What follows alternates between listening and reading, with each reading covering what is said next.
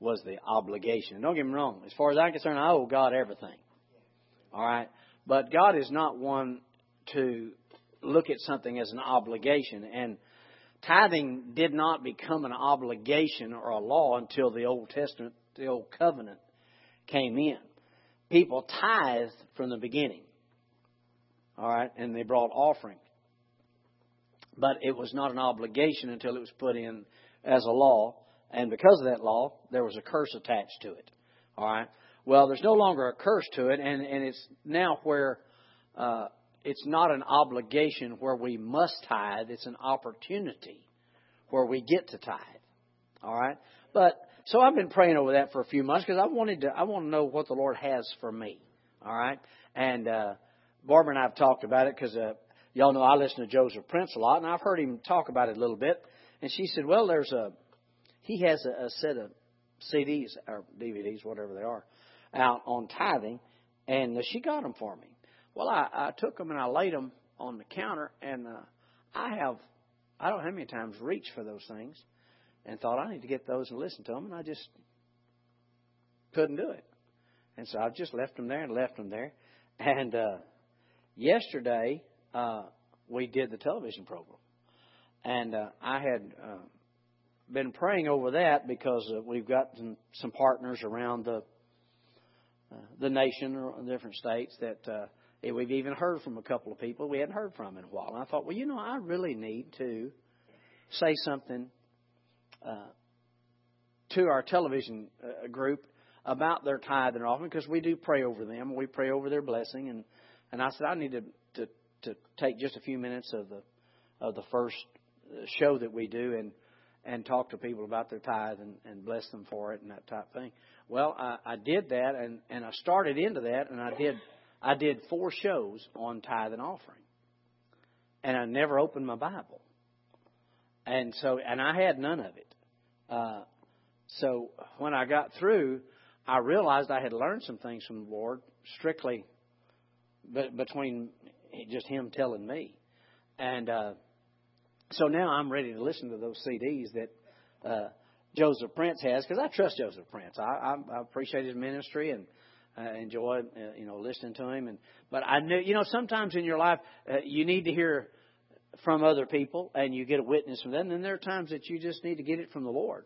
And so I needed to get my part from the Lord uh, in that deal. So I was so excited. I just wondered if y'all had. But I know Chuck does it. Usually helps you, but. Uh, uh, the the thing about tithe, and this is this is my bottom line, uh, and you'll probably be hearing it in the next few weeks. Of course, Jesse's here Sunday, but we are not after people. And now listen, we need the tithe and offering for the church to operate. That's just the way churches operate. But we don't teach tithe and offering so that the church will have its needs met. We teach tithe and offering because it's a principle of the Lord and it's increase for His people.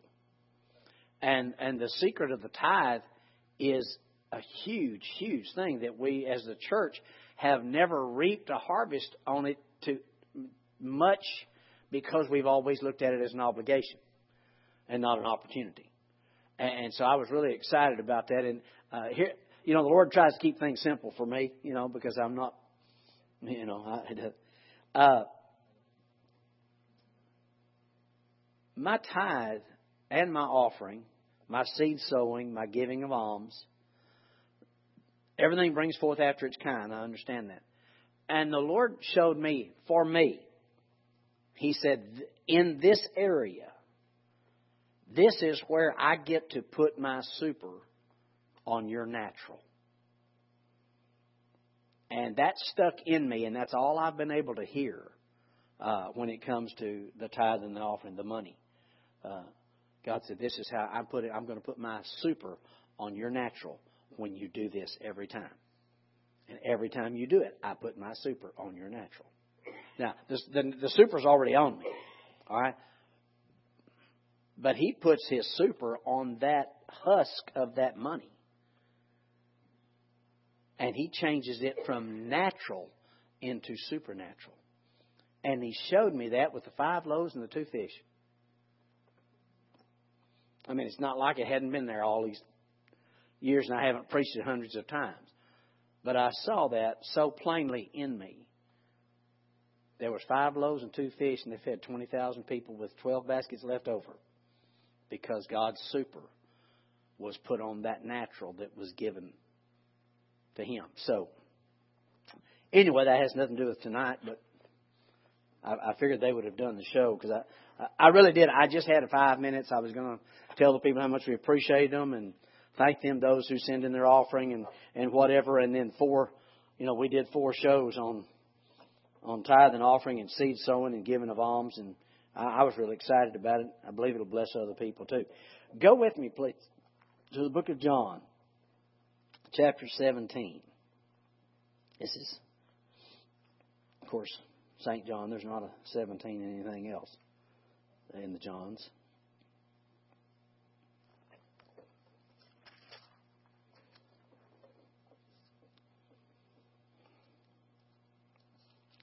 And I'll read this in, uh, in, in this New Living, and I may have to do it in the King James in order to get to, to hear what I, I, I heard as I sat and, and looked over it.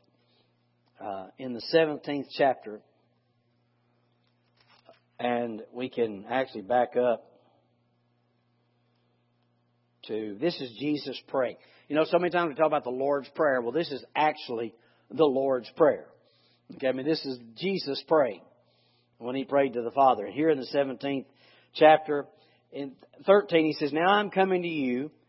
I told them many things while I was with them in this world, so they would be filled with my joy. I've given them your word. Now the world hates them because they do not belong to the world, just as I do not belong to the world.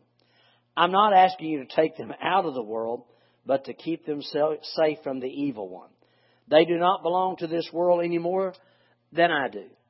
Make them holy by your truth. Teach them your word, which is truth. Just as you sent me into the world, I'm sending them into the world, and I give myself as a holy sacrifice for them so they can be made holy by your truth. I want to talk about sanctified and washed by the water of the Word for just a few minutes. You know, so many times, uh, we were talking about this just before church. So many times, you and I don't live up to our own expectations. You know, we think we ought to do better, think we ought to be better, think we ought to be able to do more, and sometimes and we don't live up to that. You know, and so there's that uh, feeling in us that we don't measure up. There are times when you make mistakes. Maybe you don't always talk to people as nicely as you should. Maybe you uh, get busy. Maybe you, you know, uh, what we used to call sin to send you to hell. Okay, but when we thought all that stuff was that bad. Uh, but see, the Lord looks at missing the mark. Whatsoever is not of faith is sin. Now, you can't get anyone hardly in church to agree with that statement. But that's what the way the Lord looks at it. That's why Jesus had to die for everything. Okay? Because there were no grades of sin as far as God was concerned. Just in the church and in society. Some things are worse than others. Certainly in the natural, certain things are worse than others. But as far as God's forgiveness, it's all the same. All right? So there's so many times you, you can't live in this world out here every day of your life without a little bit of the cares of this life and all those things hitting you, without uh, uh, kind of like they did in the in the old in the Old Testament and, and well in, in the in the day of Jesus when they just walked the streets and they wore sandals you know, they could you, you could go out and shower, take a bath, whatever you need to do, and you don't have to walk very far, and you got dirt on your feet because you're wearing sandals on dusty roads. That's really basically the way the Lord looks at us when it comes to the sin, the transgressions, and the things that take place in our life. Okay, we have we have that example of Jesus washing the disciples' feet. We have the example of him taking the towel that was wrapped around him and it was a linen towel. Linen represents righteousness. And Jesus washed their feet. First of all, Peter put up the fight. Remember, he said, You're not washing my feet. And, Peter said, uh, Jesus said, Well, now, Peter, if I don't wash your feet, you don't have any part in, in what I'm doing here. And he said, Well, then not just my feet, but my hands and my head and everything. And Jesus said, Well, you got to understand, you don't need to be totally washed. You are clean, just your feet. And that's a wonderful revelation when you get the understanding of righteousness in Christ Jesus. And you know, just because you run into situations in life and just because you lose it every once in a while, just because you feel like you're faithless sometimes, just because you, you know, you, you, it's just dirt on your feet. That's all it is, okay? It, it didn't. It didn't affect your righteousness. It didn't change who you are. You are the child of the Most High God. You're the apple of His eye. You're it as far as He's concerned. And the dirt on His feet doesn't bother Him half as much as it bothers you. We we do. Why? Because we're not made to be that. We don't like that.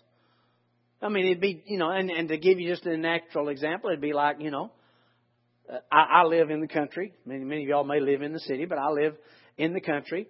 And if I shower at night, get ready for bed, and I'm clean, and then I have to go outside to the barn or something like that, even if I put my shoes on, if I come back in, I'm not going to get in bed without I wash my feet.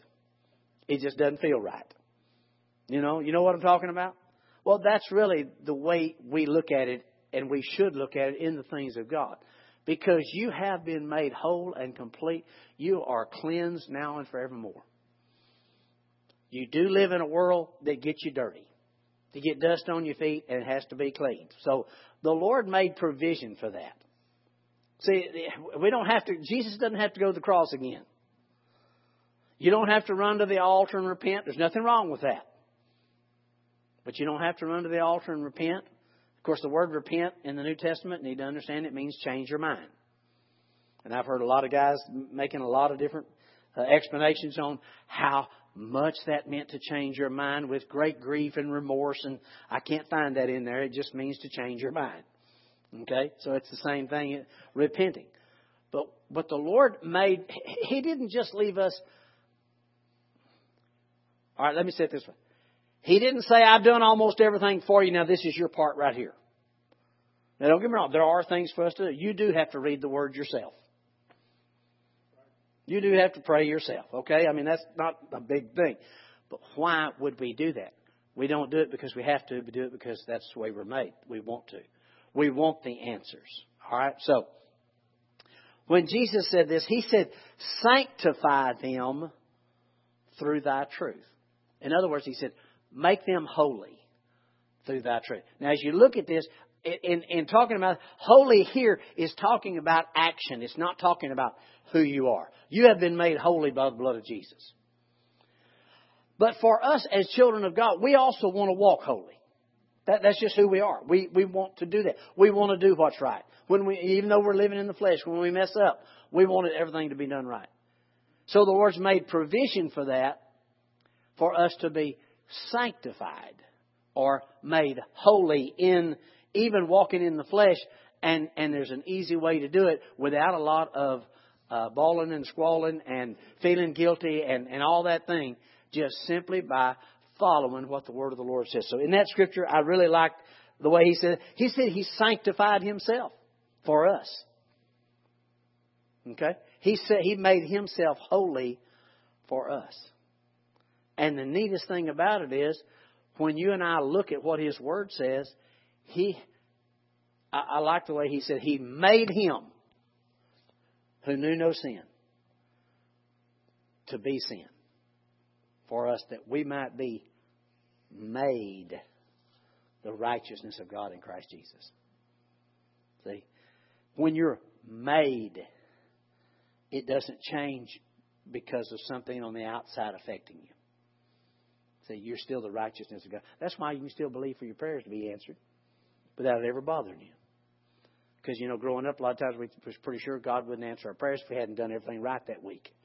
No, that's not what he's talking about. He said, sanctify them or make them holy, Lord, through your truth, and your word is truth. So I know you know these scripture. Let me give you the, the one that I really want to talk about is Ephesians chapter 5.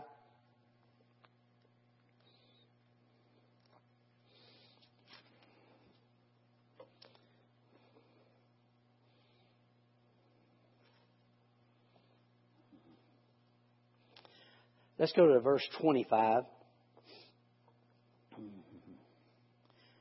He says, Now for husbands, this means you love your wives just as Christ loved the church. He gave up his life for her to make her holy and clean, washed by the cleansing of the Word. He did this to present it, her to himself as a glorious church without spot or wrinkle or any blemish. Instead, she will be holy and without fault. Now, uh, how does the King James do that, please?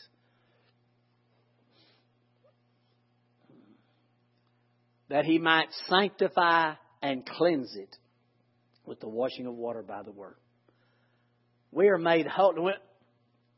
We are made holy by the blood of Jesus. That's who you are in Christ Jesus, right? In order to walk in a holiness which we like. In other words, uh, now before you jump off and start thinking all the things that would be wrong, that would not be holy, remember whatsoever is not of faith is sin. So doubt and unbelief would be in the same pot with talking bad to your neighbor or you know all those things. That again, that's why Jesus died for everything because he considers it all the same. All right. So he might sanctify and cleanse us. I, I, I looked at word cleanse, and that's what it basically means it, cleansing from the natural things from the flesh. How do we do that? How do we stay clean? Well, first, since there's therefore now no condemnation, you don't put a guilt trip on yourself when you mess up, or you don't uh, hadn't hadn't read enough, hadn't studied enough, hadn't done this, hadn't done that. I love the way Joseph Prince says it uh, in in one of some of his writings. He said, you know, if if you haven't read your Bible for a few days, you shouldn't feel guilty. You should feel hungry. That's the difference. Because if reading the Bible is uh, not reading the Bible is something that causes you guilt, then you're just doing it as a work anyway. But feeling hungry, why do you go to the Word? To get something from it. Why do I go to the Word? To wash the junk off of me. To wash the dirt away. And that can even be the guilt and condemnation. The stuff that tries to get on you when you feel like you're not super Christian when you feel like you haven't done enough. When you start reading that word and you say, find out that He sanctified and cleansed us, that He paid the price, then you can start feeling clean. You all you just have to just wipe your feet off and then you're ready to go. That's the whole key to living successfully in Christ Jesus. It, I'm telling you, it's the whole key to being able to lay hands on people and see them healed, to see people delivered. What? Not thinking about you.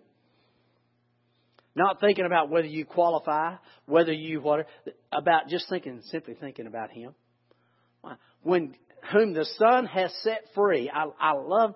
I've got a, just an exciting thought about that more than ever before. It, it's you know we'll say it this way. I'm gonna tell you what. When that guy there does the job, it's done. We know what that, that means, right? I'm telling you what, if that guy about there tells you he's going to do it, he's going to do it. You don't have to worry about it. We understand that. Whom the Son has set free is free indeed. That's the same meaning. Since Jesus did it, it's a done deal. And no matter what the feelings and the thoughts and everything else that come, the dirt that comes, you just simply get to wash it away by the Word he might sanctify and cleanse it, make you holy in lifestyle, and cleanse your life from the junk simply with the washing of water by the Word. It'll do two things. First of all, it will remove a sin consciousness when you read what Jesus has done for you every time. Right? The things that you know now. He who spared not his own son, but delivered him up for us all, how will he not with him freely give us all things? It will deliver you from that sin consciousness, and it will also provide the power for you and me to walk out of the things that we don't like in our life that maybe we do. Maybe not anything big, it's just something that you don't like about you. Maybe you don't like the fact that You, you, you worry too much. Well, casting all care upon him, for he careth for me. What are you doing? You're washing it by the word. You say, I, I know, but I just didn't feel anything when I said that. So, it's still the Word of God. It's settled forever in heaven. And the cool thing about it is, it will be working in you because it's, it's part of you. The Word of God is not foreign to me and you. It is not something that we have to try to make part of our life. He is our life. And it doesn't take exactly what we were doing a while ago. Looking for that scripture in Psalm, what was 138 and 8? We didn't have to find that scripture in there to use it. We didn't have to know. We did it for the fun of it because it's good to know where it is, but we don't have to know where it is to wash our feet with it. We, we don't have to have because it's not the, the chapter and verse that does it. It's he said, David said, "Your word have I hid in my heart that I might not sin against you." Well, our word He has hid in our heart. You say, how, how do we say it? He said, "I'll write my my laws on their minds and on their hearts." Right? He said, I'll, I'll, "Their sins, their lawless deeds, I'll remember no more." When you take that word in every situation, catch yourself. We were talking about just before church about you can't fix everything. We, we like when we see a situation, we want to fix it. If it's not, if it's broke, we want to fix it. If it's not we want to fix it. All right, and, and I'm I have more and more resting in the fact where He said, "Without me, you can do nothing." That doesn't mean you don't do anything. He just said, "Without me, you can do nothing." With Him, you can do all things.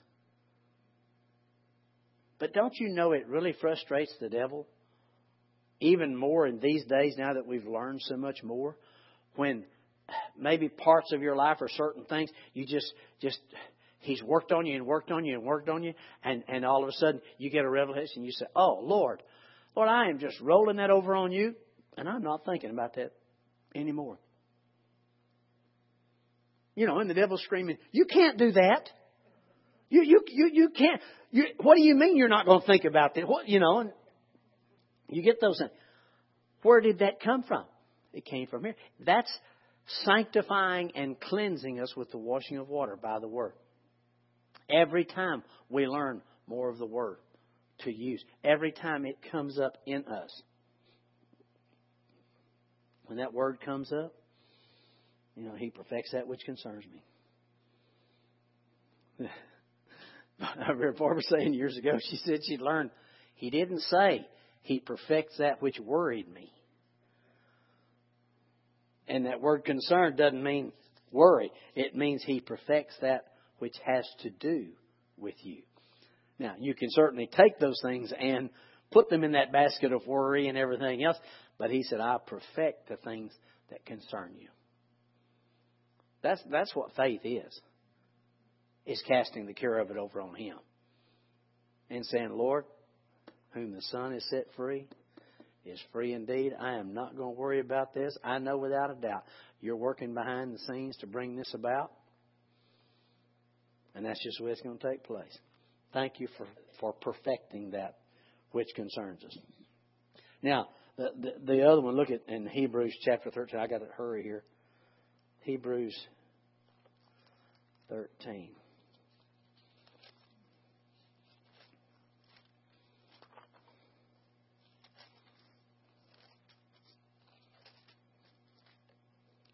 See, because you know you can live you can live two ways. I, I actually I was talking about on the television program in in uh, Abraham was a righteous man, and Abraham lived from, from faith to faith and glory to glory.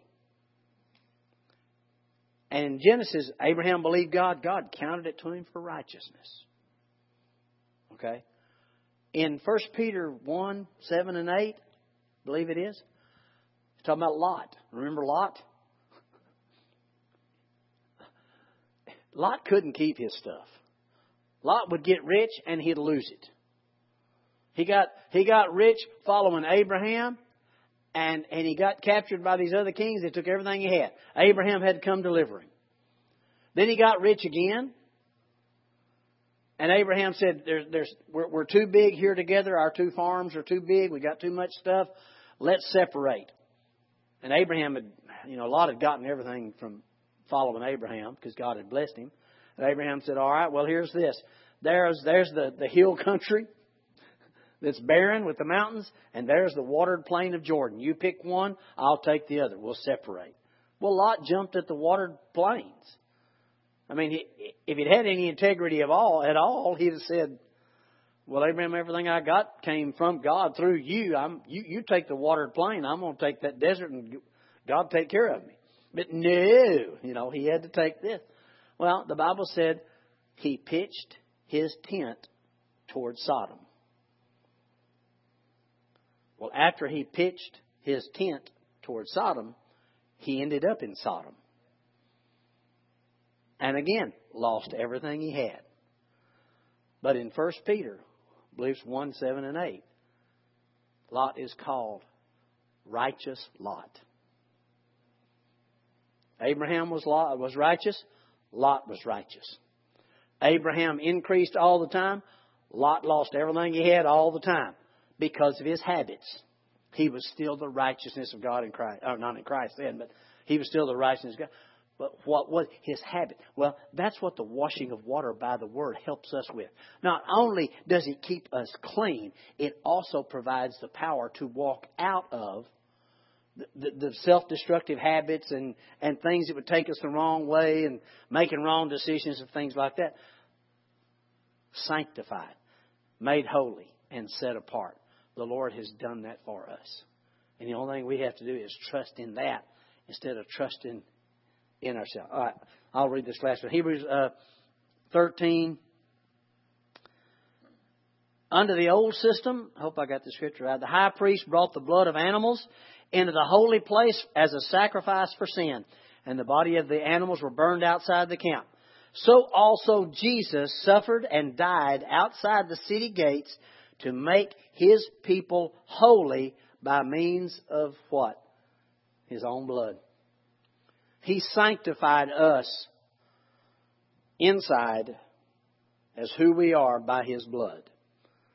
We get to stay clean, even in our natural walk and everything else, by the washing of water by the Word.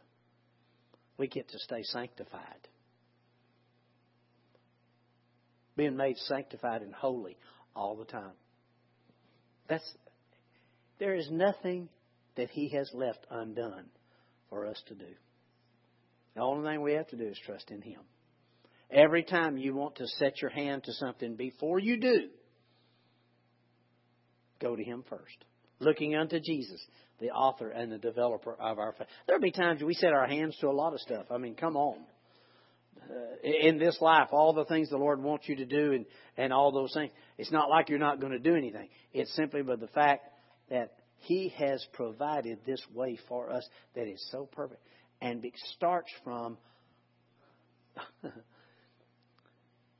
we used to say it starts from you living a holy life. But actually, it starts from the holy life you have been made. Because you can't produce holiness. You can't. You can let it manifest through you, because uh, that's who you are, and even into our daily life. And that's what we want as Christians, certainly. But He sanctifies and cleanses us with the washing of water by the Word. Why? Because He never holds our sins against us. So don't you hold your sins against you. Don't let guilt and condemnation and that nagging doubt of, oh, I'm not good enough. I look what I've done. God won't answer my prayer. Uh, you, no. Get into the Word. Wash it with the Word. What does the Word say about it? The Word says Jesus has already paid the price. Amen? Amen. Well, that was just a little bit of something, but let's let's receive this evening's tithe and offering, and and we'll be dismissed. I'll remind you, Brother Jesse will be here Sunday, ten o'clock in the arena. All right. Tell everybody that you know. Uh, Brother Rod, can we just go ahead and send out the, tomorrow, just send out a, a phone tree and remind everybody that it's at 10 o'clock and for them to bring their neighbors and everybody else and do that. So,